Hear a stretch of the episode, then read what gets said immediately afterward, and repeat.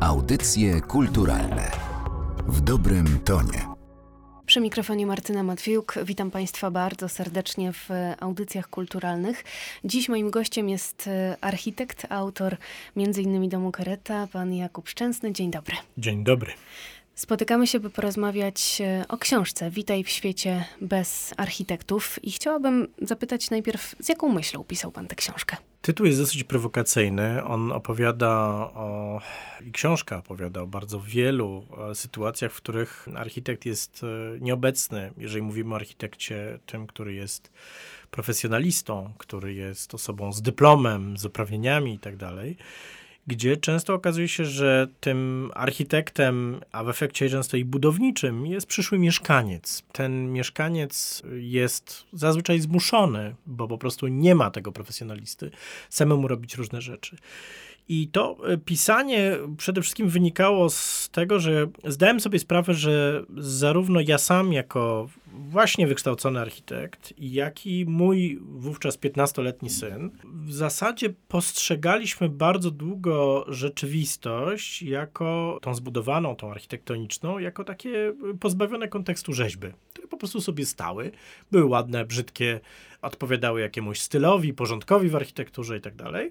Natomiast ja bardzo niewiele pamiętam momentów z czasu kształcenia mnie jako architekta, nawet z rozmów z moimi własnymi rodzicami, którzy też są architektami, w których ja bym był w stanie zrozumieć szerszy kontekst, a w ogóle bym go dostał. No i nagle zobaczyłem, że ja temu 15-latkowi muszę o tym szerszym kontekście opowiedzieć. Stąd y, zaczęło się pisanie, w którym myślałem o nastolatkach właśnie, w różnym wieku, powiedzmy od 13 lat w górę i o tym, że ta książka musi być bardzo pojęciowo i językowo dostępna i zrozumiała, żeby w ogóle wyjść z takiego metajęzyka architektoniczno-urbanistycznego, bo tutaj mówimy o różnych skalach, to są nie tylko budynki, ale całe ich zespoły. I nagle się okazało, że takie przedstawienie architektury jest dużo ciekawsze niż opowiadanie o tym, a tu wystaje daszek spornikowy, a tu jest zestaw kolumienek w takim i takim stylu bo nagle opowiadamy o tym, co właściwie stoi za potrzebą budowania takiego, a nie innego,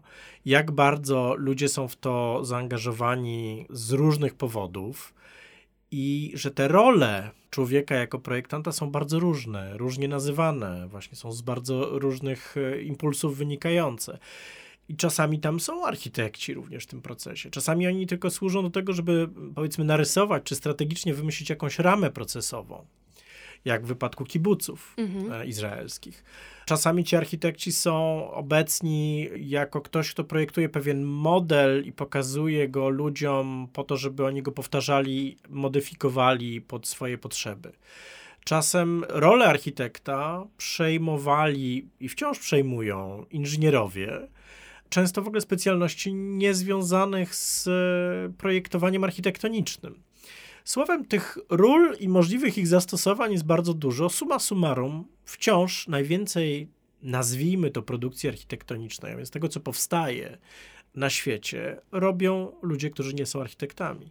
Być może do 10% tej e, produkcji na świecie to jest e, wynik faktycznego zaprojektowania, a potem wynadzorowania budynku w trakcie jego realizacji przez architekta. Ta liczba też przywołana w książce, przyznam, że y, była dla mnie wstrząsającą wieścią.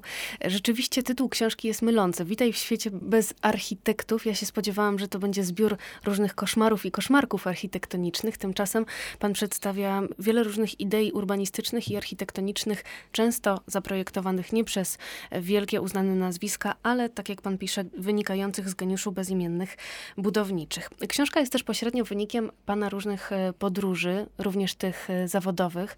Czy było wśród przywołanych miejsc takie, które wywróciło pana pojmowanie architektury? W momencie, w którym zacząłem jeździć na rezydencje artystyczne, bo to była w sumie dekada jeżdżenia w różne tajemnicze, dziwne, egzotyczne miejsca z powodów głównie artystycznych i tego typu projekty, które często robię na skraju architektury, zawsze powodowały, że ja musiałem o tej architekturze myśleć inaczej niż to takie powiedzmy mainstreamowe myślenie, które jest wypadkową z jednej strony edukacji, a z drugiej strony praktyki, na przykład w Polsce. Mhm. Więc y, ja byłem przyzwyczajony do wywracania moich dotychczasowych, albo przynajmniej częściowego wywracania moich dotychczasowych wyobrażeń. Na pewno Brazylia i tak zwane occupation, czyli okupacje, budynki przejmowane przez wsie, budynki często wysokie, y, od sześciu kondygnacji do autentycznych wieżowców w centrum São Paulo gdzie taka pozioma struktura wsi z zarządem wiejskim, radą wsi była przekładana na budynek w którym nagle wszystko było pionowe, gdzie trzeba było ustawić funkcje tak, żeby świadczyć różne usługi dla reszty miasta na najniższych kondygnacjach i mieszkać powyżej, w dodatku bez windy, co można sobie wyobrazić jest no, bardzo problematyczne w e, sytuacji, w którym to jest budynek mieszkalny. Natomiast przede wszystkim zobaczyłem, że myślenie, na które bardzo zwracamy uwagę na co dzień, czyli myślenie różnymi normami, i standardami, po drugie myślenie estetyką. W większości wypadków, które opisuję zresztą w książce, nie ma sensu albo nie miało miejsca bo te normy i standardy były tak naprawdę niepisanymi tradycjami pojmowania tego, jak należy coś zbudować, albo jak należy mieszkać, jak powinno się tworzyć rzeczywistość fizyczną w kontekście tego, jakie są potrzeby tradycyjnie zazwyczaj rozumianej grupy ludzi od poziomu rodziny po większy klan, czy mhm. nawet miasteczko. Ten sprzeciw wobec oceniania architektury w kontekście jej piękna czy brzydoty rzeczywiście w książce się pojawia. Jak zatem my powinniśmy na przestrzeń patrzeć? Myślę, że e, przede wszystkim dociekliwie i nieufnie, dlatego że przestrzeń jest w ogóle bardzo ciekawą rzeczą. Po pierwsze, dlatego, że bardzo różne jest jej pojmowanie w zależności od tego, kto patrzy. Po drugie, bardzo różne jest jej pojmowanie w zależności od tego, jakich w ogóle zmysłów używamy do jej postrzegania bo przecież nie tylko patrzymy na przestrzeń. Tak naprawdę dzisiaj dużym problemem jest właśnie prymat tej wizualności, która jest związana przede wszystkim z mediami elektronicznymi i która bardzo spłaszcza pojmowanie rzeczywistości tej fizycznej właśnie. I w związku z tym wydaje mi się też się trzeba po prostu otworzyć na to, że mamy inne zmysły, bo jesteśmy dosyć skomplikowanymi o w sumie nieznanych granicach postrzegania i czy możliwości postrzegania instrumentami takimi no, wielozmysłowymi. I zarówno architektura, jak i wnętrza, jak i przestrzenie między budynkami, czy kubaturami, czy relacja pomiędzy tym, co jest zbudowane przez człowieka, a tym, co naturalne, to są rzeczy, które naprawdę możemy poczuć nad skórą. Ta książka też zwraca uwagę na to, jak wielu aspektach musi myśleć architekt projektujący. Z jednej strony, oczywiście, jest to życie ludzi, ich, ich styl życia, ich tożsamość, ich historia. Z drugiej strony, ekonomia, gospodarka, z trzeciej, ekologia myślę sobie, że nie da się złapać wszystkich srok za ogon. Jestem ciekawa, które aspekty dla Pana są najważniejsze jako architekta. W praktyce architektonicznej, której od razu muszę powiedzieć, e, staram się mieć coraz mniej, jeżeli chodzi o projektowanie obiektów, które wymagają w ogóle kontaktu z sektorem publicznym, a więc zdobywania pozwoleń wszelkiego rodzaju albo uzgodnień, a to jest duża część pracy architekta, często zastępującego albo wypełniającego część zakresu takiego powiedzmy project managera. W takiej pracy, no niestety w pierwszej kolejności ja muszę się odnieść wobec tego, co jest dosyć wąsko rozumianym kontekstem. Ten kontekst pierwszej kolejności to po pierwsze ograniczenia wszyte w działkę, czyli słowem, co dana działka oznacza. Jeżeli nasza działka, nie daj Boże, przystaje jeszcze w dodatku do działki o jakimś specyficznym, innym charakterze, na przykład należącej, że użyję bardzo polskiego przykładu, do spółki Skarbu Państwa w typie PKP, no to okazuje się, że proces jest wielokrotnie bardziej skomplikowany w projektowaniu. Już nie mówię o procesie realizacyjnym, bo nagle w cały ten i tak zestaw dosyć trudnych elementów musimy wszyć rozmowę z bardzo tajemniczym podmiotem jedną bodajże z 12 e, spółek czy podspółek w tym PKP, które mają swoje cele, swoje ustawy, rządzą się zupełnie osobną logiką. To jest królestwo w królestwie. I to nie tylko PKP wpływa na, na to, że dana działka przystająca do naszej działki jest dodatkowym komplikatorem. Tego może być dużo, może być to element naturalny, może być to, nie wiem, strefa Natura 2000 chociażby, tak? W związku z tym pierwszy zestaw rzeczy jest jakby fizycznie związany z działką i biurokratycznie wpływający na to, co możemy zrobić i to oczywiście ma to swój wymiar w dokumentach, zwłaszcza planistycznych, które są, stanowią prawo, zwłaszcza w planach miejscowych. Kolejnym elementem no, ważnym niezwykle jest właśnie zestaw norm, które z kolei obowiązują nas terytorialnie na terenie Polski. To są przepisy prawa budowlanego i różnego rodzaju uwarunkowania już specyficzne, zaczynając od chyba takiego najbardziej obowiązującego nasz ograniczenia, jakim jest tak zwany, że ujmę to językiem inżynieryjno-architektonicznym PEPOŻ. I to jest właściwie jeden z Właśnie powinniśmy zaczynać tak między Bogiem a prawą od projektowania pod pożarnika i pod e, samochody. I to jest w ogóle smutna prawda. Człowiek e, w takiej jego codzienności jest mniej ważny. No i kolejne rzeczy to jest oczywiście klimat. Tutaj już część tej odpowiedzi na klimat jest zawarta w normach krajowych, no bo w końcu musimy robić domy, które według standardów nie będą miały przegród, czyli ścian, dachów, stropów, które będą miały gorsze parametry przenikalności termicznej niż dane napisane w prawie. Co więcej, one się też zmieniają, więc ten architekt musi cały czas to śledzić. Także tutaj nie za dużo jest miejsca na sublimację poza tą strefą problemów, dlatego że też jest mało czasu. Więc wydaje mi się, że tylko w specyficznych momentach możemy sobie w takim miejscu jak Polska pozwolić na to, żeby iść dalej w kolokwialnie rzecz ujmując rozkminianiu tego szerokiego kontekstu. To zadam to pytanie inaczej. Co oznacza dobre projektowanie? No to zadałem pani jeszcze trudniejsze pytanie.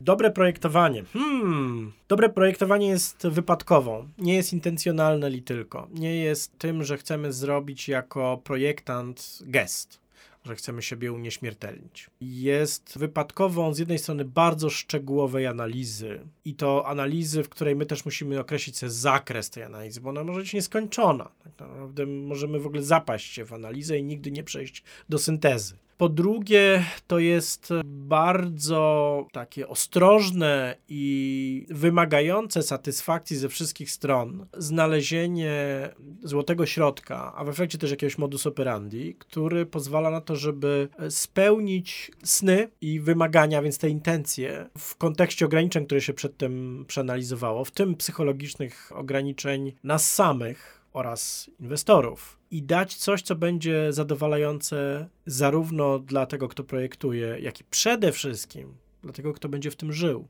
Dlatego tutaj pojawia się następny element, to znaczy taka ciągłość oceny, która jest konieczna do tego, żeby wyciągać wnioski do następnych projektów. Dlatego ja na przykład projektując domy czy rezydencje, w zasadzie dopiero ten poziom rezydencyjny jest opłacalny, kiedy prowadzi się pracownię staram się doprowadzić do tego, żeby mój klient był jednocześnie takim monitorującym i my ze sobą rozmawiamy co kilka miesięcy, najrzadziej co rok, żeby wiedzieć, co się sprawdziło, co się nie spełniło, co można było zrobić lepiej i tak dalej. Wracając do książki Witaj w świecie bez architektów, ona mi też uświadomiła, że my sobie nie do końca zdajemy sprawę z ogromnej roli, jaką architektura pełni w naszym życiu. Dopóki jest dobrze, to jest dobrze. Dopiero jak zaczyna nam być niewygodnie, to zaczynamy zwracać na nią uwagę. Jak widzi pan przyszłość architektury? Zacznę może od tego pozytywnego scenariusza. Ja nie wiem, czy przyszłość architektury będzie pozytywna dla nas, jako ssaków zamieszkujących Ziemię. Mhm. Nie jestem tego pewien. W tej chwili trwa zmiana paradygmatu. Ona się powoli dzieje, dlatego że jest taka duża inercja procesowa wynikająca z tego, że po pierwsze system edukacyjny, po drugie system prawny, ale też przyzwyczajenia wszystkich, od architektów pobudujących, no jednak związane są z trwałością pewnych praktyk, wyobrażeń i zestawów wartości. Dzisiaj widzimy chociażby bardzo ożywioną dyskusję, w tym w mediach społecznościowych, dotyczącą tego, że my musimy bardzo zmienić paradygmat, jeżeli chodzi o przekierowanie priorytetów i w ogóle powiedzenie sobie, co jest dla nas najważniejsze. I chyba niestety musimy zrobić bardzo radykalną pracę na wszystkich poziomach i powiedzieć sobie, że po prostu najważniejsze jest to, żebyśmy nie rozwalili środowiska, w którym mieszkamy. I to oznacza radykalnie inne podejście do architektury, bo automatycznie oznacza zmianę narzędzi i powinno, ale tutaj właśnie jest moja wielka wątpliwość, powinno oznaczać zmianę skali, zmniejszenie jej. powinniśmy mniej budować. W takich krajach, które umierają demograficznie, jak Polska, gdzie mamy bardzo niską dzietność, nie musimy już tak dużo budować, jak budowaliśmy. To, że w dużych miastach w wyniku depopulacji, którą mamy na dużym poziomie, to jest 3,2%, dochodzi do boomu budowlanego, a jednocześnie umiera prowincja, umierają wszystkie mniejsze miasta, umierają wsie, umierają miasteczka, to jest też kwestia znalezienia jakiegoś nowego trybu, w którym my tą bardzo małą populację, coraz bardziej się zmniejszającą, wyślemy jednak w większym stopniu poza te duże ośrodki. Albo wymyślimy sposób na to, żeby przytrzymać młodych ludzi w ośrodkach typu Płock, tak, które mają co zaoferować, mają infrastrukturę, mają miejsca pracy. Także wydaje mi się, że jesteśmy też w sytuacji, w której musimy znaleźć sposób na to, żeby per państwo e, znaleźć swoje podejście jak i spojrzeć na cały problem globalnie, bo przypominam, e, miliard sześćset milionów, tyle w 1900 roku było ludzi na świecie. Dzisiaj mamy 8 miliardów, ponad czterokrotnie więcej. O tych drogach, które nas prowadzą do przyszłości, też przeczytają Państwo w ostatnim rozdziale książki pana Jakuba Szczęsnego. Ja chciałabym jeszcze zahaczyć o wątek, w którym pisze pan o świecie, którego już nie ma, czyli o warszawskich nalewkach. E, niektórzy badacze wypowiadający się o tym okresie Warszawy po wojnie, do miasta w gruzach, zwracają uwagę na to, że może dla tych planistów, urbanistów, architektów to była wspaniała szansa, żeby postawić miasto od zera według nowoczesnej doktryny e, modernizmu. Chciałabym zapytać, czy nowoczesne zawsze znaczy lepsze? No tutaj jest jeszcze pojęciowy galimatias lekki, bo czy my jesteśmy uprawnieni do tego, żeby wciąż używać określenia nowoczesny, może raczej współczesny. Mhm. Wydaje mi się, to jest adekwatniejsze pojęcie do używania. Znaczy taki, który w skrócie odpowiada współczesnym problemom, zapotrzebowaniom i środkom, którymi możemy odpowiedzieć na, na rzeczywistość.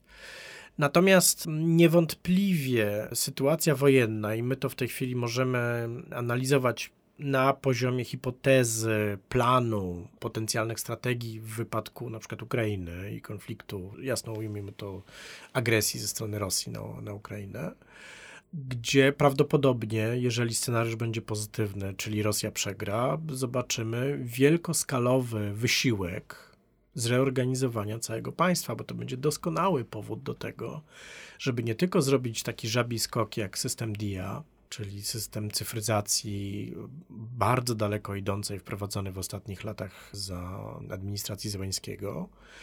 I wydaje mi się, że to będzie tak jak właśnie po 1945 roku doskonały powód do tego, żeby zbudować szereg strategii dotyczących różnych poziomów, od architektury istniejącej, ale zrujnowanej, poprzez przestrzenie zupełnie zrównane z ziemią, poprzez infrastrukturę, bo trzeba będzie całą infrastrukturę postawić na nowo. Tak? Ta architektura jest tylko częścią infrastruktury prawdopodobnie najładniejszą, chociaż niekoniecznie.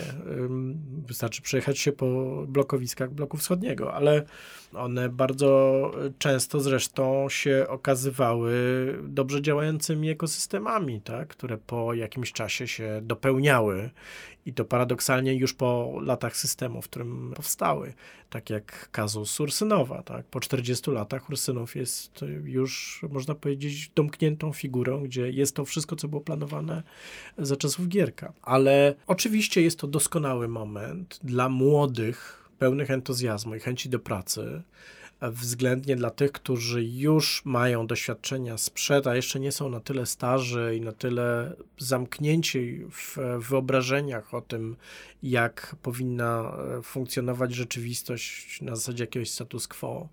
No bo zaraz y, pojawią się po prostu nowe karty na stole i tak było w 1945, tak? To było pokolenie właśnie architektów, którzy weszli w rynek pracy, czy na rynek pracy architektoniczny przed wojną, z jednej strony, w typie twórcy Muranowa właśnie, z drugiej strony bardzo młodych, 30-parolatków, y, bo w architekturze to jest e, młody architekt, którzy takie nowe tychy projektowali, tak? Czy, czy nową hutę.